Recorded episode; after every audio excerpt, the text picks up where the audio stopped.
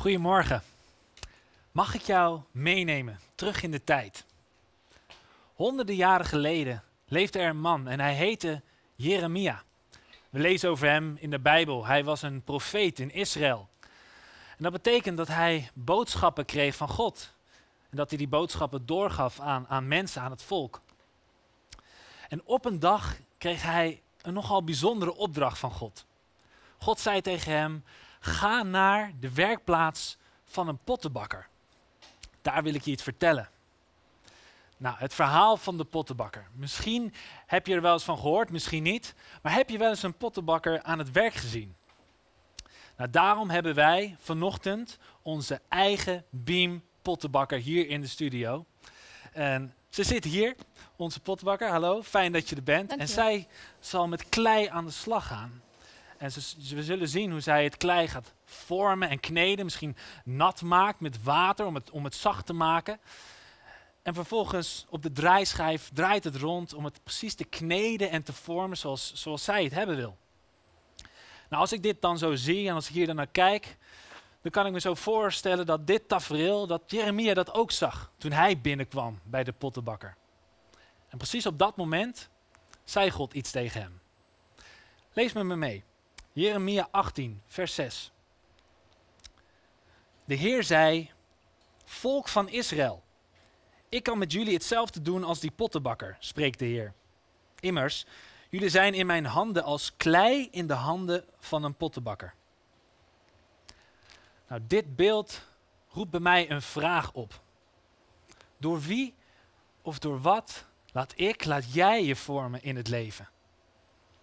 En er zijn meerdere antwoorden op deze vraag, uh, hele logische antwoorden. Denk alleen al aan je opvoeding, aan je ouders of je verzorgers, je familie, vrienden, mensen die belangrijk voor jou zijn, die impact hebben in jouw leven. Of ervaringen, positieve, fijne ervaringen of hele heftige ervaringen, nare ervaringen. Maar welke rol speelt God hierin? Mag, mag Hij jou ook vormen? Nou, als ik dit verhaal van de pottenbakker hoor, dan moet ik altijd denken aan een christelijke uitspraak. Toen ik nog een tiener was en nog thuis woonde, uh, hing deze uitspraak bij ons aan de muur. Daar stond: God houdt van je zoals je bent, maar hij houdt te veel van je om je zo te laten. Hmm. Een beetje een doordenkertje. En ik heb daar ook heel wat over nagedacht. En als tiener vond ik vooral dat eerste gedeelte, dat sprak mij wel aan. God houdt van je zoals je bent. Dat hoorde ik iedere week in de kerk. Misschien ben jij gewend om naar de kerk te gaan en heb je dat ook heel vaak gehoord? Of ben je het gewend om naar de Beam kerkdienst te kijken? En hier wordt dat ook heel vaak gezegd. God houdt van je zoals je bent.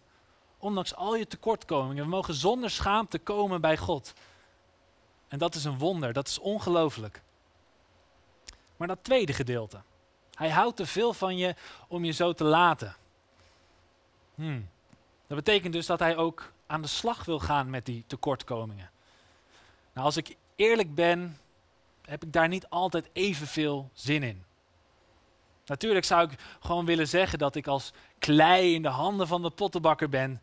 En dat God mag doen met mij wat hij maar wil. Dat ik gevormd word en gekneed word. En als hij iets zegt, dan ben ik gehoorzaam en dan doe ik het gewoon.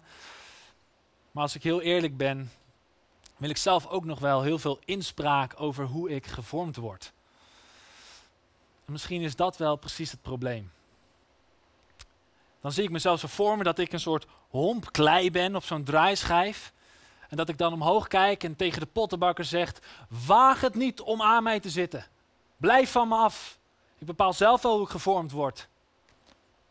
En die houding, misschien is dat wel wat God als eerste in ons wil veranderen. Dat we niet meer zeggen, ik weet het beter. Ik weet waar ik voor gemaakt ben. Ik ga mijn eigen weg. Maar dat we tot inzicht komen en dat we gaan zien dat we het misschien niet beter weten. Dat Hij het beter weet. Dat Hij ons gemaakt heeft. Dat we dus ook naar Hem moeten luisteren. Want ik geloof dat als we niet naar Hem luisteren, dat er vroeg of laat bedrogen uit zullen komen. Dan zie ik het zo voor me. Ik ben zelf vader van een zoontje van één jaar. En als ik hem gewoon zou laten doen wat hij wil, dan komt hij ook vroeg of laat in de problemen. Stel hij wil op een, op een drukke weg gaan lopen of zo. Ja, dan ga ik hem toch tegenhouden. ga ik hem toch beschermen. Ik hou te veel van hem om hem niet op te voeden. En zo denk ik dat God ook te veel van ons houdt om ons te laten zoals wij nu zijn. En dan zeg je, nou Remy, hartstikke mooi verhaal, maar uh, hoe zit dat bij jou? Hoe heeft God jou dan gevormd in jouw leven? Nou, dan zou ik toch zeggen dat Hij mij vooral gevormd heeft in de moeilijkste periode van mijn leven. Toen ik 13 jaar was, overleed mijn vader plotseling aan een hartinfarct. Van de een op andere dag was ik vaderloos en mijn wereld stortte in. Mijn leven viel als het ware in het water. Maar gek genoeg was het dat water dat mij zacht maakte. Net als dat water klei zacht maakt. En zo was ik als, als zachte, kneedbare klei in, in de handen van God. En kon Hij mij vormen en kon Hij mij kneden zoals Hij mij hebben wil. Want ik dacht altijd, als jonge jongen, als met, dan dacht ik altijd, ik weet het nog heel goed dat ik me dat realiseerde, dat als God ooit een van mijn ouders laat overlijden, dan zou ik dat hem nooit kunnen vergeven. Ik zou niet kunnen geloven in zo'n God. Maar toen het eenmaal gebeurde, bleek precies het tegenovergestelde waar te zijn. Waar ik dacht dat ik van hem weg zou rennen, rende ik juist naar hem toe. Waar ik dacht dat ik hem los zou laten, klampte ik me juist aan hem vast. En hij klampte zich aan mij vast. En dat is waar ik het heb ontdekt. Dat God bestaat, dat Hij realiteit is. En dat niet alleen, dat het een goede God is. Dat Hij te vertrouwen is. Dat Hij het beter weet dan ik. Want Hij heeft mij door die moeilijke periode gedragen. En dan snap ik dat dat meteen vragen oplevert. Van ja, maar hoe zit dat dan? Heeft, heeft God dat lijden in jouw leven dan veroorzaakt, zodat Hij jou kan vormen? Dat denk ik niet. Dat geloof ik niet. Ik geloof niet dat God daar vreugde in vindt. In het pijn en de dood en de ziekte en de nadigheid van dit leven. Integendeel zelfs.